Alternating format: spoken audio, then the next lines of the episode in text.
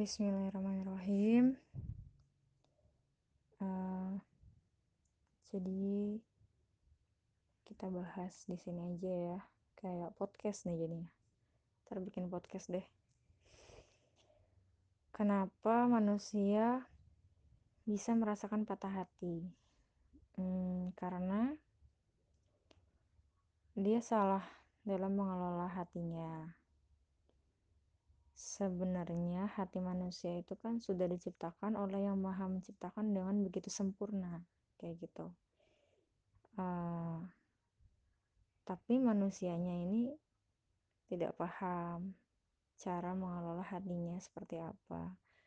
Atau mungkin sudah paham tapi masih sering hilaf lalai kayak gitu. Contohnya gini hmm, orang itu manusia kita ini kan dikaruniai hati dikaruniai perasaan. Nah seharusnya ya memang udah selayaknya gitu ya kalau orang udah punya punya rasa um, rasa terhadap sesuatu mencintai gitu kan itu pasti dia akan melakukan apa pun gitu untuk yang dia cintai tadi. Nah yang seharusnya manusia lakukan adalah memberikan perasaan cintanya itu kepada yang maha mencintai, yang maha menciptakan hatinya. Siapa ya Allah subhanahu wa ta'ala. Tapi kenyataannya banyak dari kita masih sering lalai, terlalu berlebihan dan tidak bisa mengelola hati, sehingga salah memberikan rasa cinta tadi kepada makhluk, kepada manusia yang namanya manusia, yang namanya makhluk itu nggak sempurna. Sehingga yang tadinya dia berikan rasa itu tadi seutuhnya kepada makhluk yang nggak sempurna itu, dia akan mengalami yang namanya kecewa. Makanya ada patah hati. Ya bisa aja dikecewakan dengan harapan yang terlalu berlebihan atau ya kesalahan dia lah mungkin dia yang uh, selingkuh atau dia yang diselingkuhin nggak ngerti ya. Aku juga nggak pernah sih ngalamin yang namanya pacaran jadi nggak paham. Intinya sih gitu. Jadi kalau makanya orang yang udah cinta suka sama seseorang dia akan melakukan apa pun. Yang pertama dia akan melakukan pengikraran persaksian. Cuman kamu loh nggak ada yang lain di hati aku. Swear deh. Kayak gitu gitulah bener nggak? Ya padahal itu gombal doang gitu seharusnya pengikraran itu diberikan kepada yang maha menciptakan cinta yang maha menciptakan hati siapa? Ya Allah subhanahu wa ta'ala. Kita selama ini berikrar setiap hari 17 rakaat dalam sehari subuh zuhur asar maghrib isya. Belum ditambah sholat sunnah yang lainnya duha tahajud sholat sunnah rawatib. Berapa kali kita ngucap asyhadu alla ilaha illallah. Aku bersaksi tidak Tuhan selain Allah. Bener loh nggak ada yang lain. Cuman engkau ya Allah yang aku cinta Nah, itu ternyata kita tuh cuman gombal sama Allah. Itu tuh bohong. Ya buktinya mana? Kalau orang udah berikrar, orang sudah memberikan persaksian cintanya, berarti kan dia akan melakukan yang kedua pembuktian. Dia udah ngegombalin, ya dia pasti buktiin. Dengan apa? Dengan tindakan. Diteleponin, rajin. Intensitasnya tuh interaksinya banyak. Uh, tatap muka secara langsung maupun tidak biasanya sih orang kan telepon, chat, ketemuan, makan, nonton, jalan. Ya pokoknya maunya ketemu terus gitu, interaksi. Nah itulah yang salah, terlalu banyak memberikan pembuktian cinta terhadap makhluk yang gak sempurna tadi. Seharusnya yang kita lakukan adalah memberikan pembuktian cinta terhadap yang maha menciptakan cinta, yang maha sempurna, ya Allah semata dong, gak ada yang lain. Buktiin dong ucapan kita tadi kita udah berikrar kita udah melakukan persaksian asyhadu alla ilaha illallah. Tidak Tuhan selain Allah. Ya harusnya taat sama aturan Allah. Kenyataannya kan kita masih sering lalai azan. Allah udah manggil tuh katanya cinta tapi nggak cepet-cepet nemuin. Iya sama orang yang kita cintain aja kalau telepon gak diangkat kesel. Chat nggak dibales bete. Apalagi Allah yang maha menciptakan hati kita yang maha menciptakan manusia yang maha memberikan semuanya loh sampai kita detik ini masih bisa bernafas masih bisa hidup. Masih kita tega sih gitu loh ngehianatin cintanya Allah ke kita.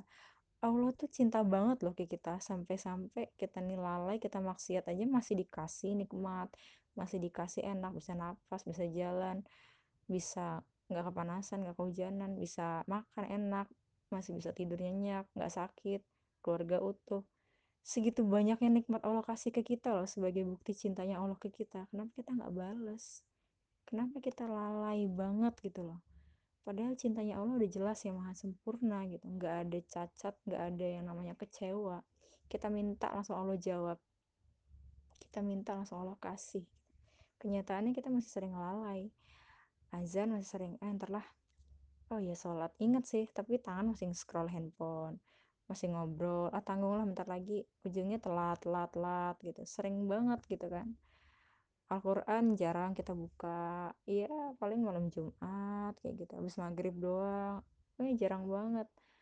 Nggak nggak membuktikan betapa cintanya kita sama Allah itu gombal doang kita tuh. Cuman mulut doang ngucap waktu sholat tapi kenyataannya nggak ada pembuktian gombal gitu loh bohong. Kita nih dusta kita nih udah muna sama diri sendiri gitu. Kita mengkhianati cintanya Allah.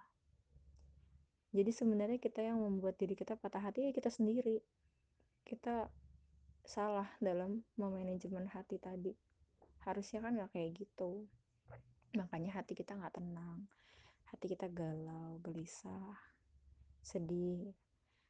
Tapi kalau kita perbaikin cinta kita ke Allah itu nggak bakal ada yang namanya rasa kecewa lagi sama makhluk sama manusia patah hati lagi itu nggak ada. Karena kita udah ngerasain kita udah ngedapetin cinta yang paling sempurna cintanya Allah. Ya sama semua juga ngalamin. Contoh kecilnya nih gue yang uh, di dunia nyata ya di real real life nya nih. Uh, suami cinta sama istrinya apa aja bakal dilakuin tuh? Dari sebelum menikah mahar berapa udah diperjuangin tuh. Jadi membuktikan cintanya apalagi setelah ikrarnya setelah akad diucapkan saya terima nikahnya. Itu dibuktiin dengan apa? Dengan tindakan. Dia nafkahin istrinya dia kerja istrinya pun taat sama suaminya di rumah. Begitupun dengan ibu ke anak. Saking cintanya dia gitu loh ke anaknya. Apa pun tuh bakal dilakuin gak cuman anakku sayang gitu nggak cuma ngomong doang. Itu perikraran ya tapi pembuktiannya tuh ada loh. Anaknya sakit kayak apa langsung dibawa berobat sana sini. Anaknya minta jajan ini itu walaupun gak ada duit dipaksain ada entah dari mana entah gimana pun caranya. Bener nggak? Cintanya ayah ke anaknya nggak punya duit tapi anaknya mau sekolah ya diusahain. Sama gitu loh. Itu cinta yang benar jadi kebanyakan dari kita tuh salah dalam mengelola rasa cinta makanya hatinya patah karena kita udah salah. Cinta kita tuh sama makhluk gak bakal sempurna kecuali sudah pada porsinya yang tepat tadi cinta ke Allah tadi suami dengan istri ayah ke anak ibu ke anak anak ke orang tua. Ya memang sudah jelas gitu loh ikatannya halal dan ada anjurannya di Al-Quran dan Sunnah. Nah kebanyakan yang kita alamin sekarang apa? Patah hati karena apa? Karena nggak sesuai ikatannya nggak halal. Makanya Allah nggak ridho. Allah tuh maha cemburu. Allah loh yang udah segitu sempurnanya cintanya ke kita. Terus kita hianatin gitu aja. Ya wajar lah Allah kasih kita rasa kecewa rasa sakit hati. Biar apa? Biar kita tuh cepet-cepet sadar tobat balik lagi ke Allah. Nggak ada jalan lain cuman itu. Ya semua simple sih. Nggak usah yang terlalu berat-berat dulu. Ibadah mah apa aja jadi ibadah kalau niatnya karena Allah. Karena ya Allah itu suka sama orang-orang yang kita kita ngejar Allah selangkah nih Allah ngejar kita seribu sepuluh langkah. Kita ngejar Allahnya jalan Allah ngejar kita nyambut kita ya lari gitu. Semakin kita ngedeketin tuh semakin Allah dekat. Cobain deh. Kalau pas sholat itu bener-bener diresapin banget. Apalagi pas sujud itu nikmat banget. Bayangin hadirkan gitu loh rasa butuh kita tuh sama Allah gitu. Bahwa Allah tuh yang maha pokoknya segala masalah tuh selesai kalau kita langsung minta ke Allah. Bener deh kalau udah pakai prinsip ini apa aja jadi mulus. Nggak ada lagi kata galau patah hati itu nggak ada. Karena kita udah fokusnya udah nggak ke situ. Yang maha mencintai yang maha memberikan rasa cinta yang maha memiliki hati. Jadi ya minta langsung ke Allah. Tol langit gitu. Bukan sekadar pengikraran tadi bukan sekadar persaksian bukan sekadar ucapan tapi dibuktikan dengan tindakan. Dengan kita makin takwa makin takut makin taat. Diri sendiri yang lebih paham diri kita tuh seperti apa sih hubungan kita sama Allah. Biar hati kita tuh selalu tenang gitu karena ada Allah yang ngejaga. Karena ya Allah yang maha mencintai hambanya hambanya juga harusnya jauh lebih cinta dengan Allah. Ya pokoknya gitu deh uh, mungkin ini sharing-sharing gak jelas. Uh, yang jelas saya juga masih banyak belajar tentang perkara soal hati ini. Karena hati manusia tuh mudah berubah-ubah loh. Sedetik hari ini kita suka sama seseorang nih eh dua hari lagi bisa berubah. Nggak suka lagi gitu. Sama makanya itulah kalau menempatkan rasa di hati terhadap makhluk. Makhluk itu nggak sempurna sama sekali nggak sempurna. Makanya kalau kita tempatkan perasaan cinta di hati kita ini hanya untuk Allah aja itu terjaga sempurna. Karena Allah maha sempurna. Jadi nggak ada namanya patah hati dan nggak berubah. Dan kita harus selalu minta minta terus gitu sama Allah. Doa ya mukalibul kulub sabit kalbi aladini ya Allah yang maha bolak balikan hati manusia teguhkan hatiku ini ya Allah di atas agamamu. Itu doa yang selalu dibaca sama Rasulullah setiap hari. Selalu dibaca berulang-ulang. Sekelas Rasulullah bayangin loh selevel Nabi aja masih minta untuk dijaga hatinya. Apa kabar kita yang bukan siapa-siapa? Bener gak sih? Kerasa kok beda pokoknya setiap lagi bahkan lagi ngobrol sekalipun tuh sambil zikir gitu dalam hati atau lagi nyetir gitu ya. Lagi di motor di mobil. Pokoknya jangan biarin ada sedetik pun kita tuh bengong nggak mikirin apa-apa di kepala. Jangan. Pokoknya ingat Allah terus apa aja deh. Terutama doa itu doa minta ditetapkan. Ketetapan hati ketenangan hati ya mukalibul kulub sabit qalbi ala dinik ya mukalibul kulub sabit qalbi ala dinik itu ya sujud terakhir dibaca doa itu. Insya Allah Allah bakal jaga hati kita terus. Hati kita jadi netral hati kita mintalah sama Allah pokoknya. Ya Allah jaga hati ini. Berikanlah ketenangan dalam hati ya Allah.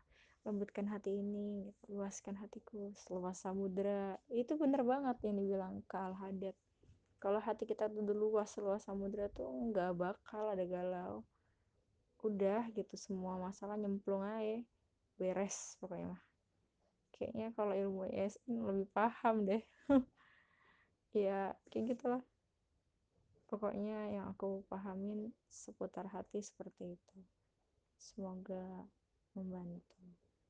Bila ada salah kata, saya mohon maaf. Uh, saya akhiri. Wassalamualaikum warahmatullahi wabarakatuh. Mungkin ini bisa di playlist ya podcastnya. Udah kayak penyiar radio kan. Oke, okay, next kita akan bikin podcast lagi. Mungkin akan siaran.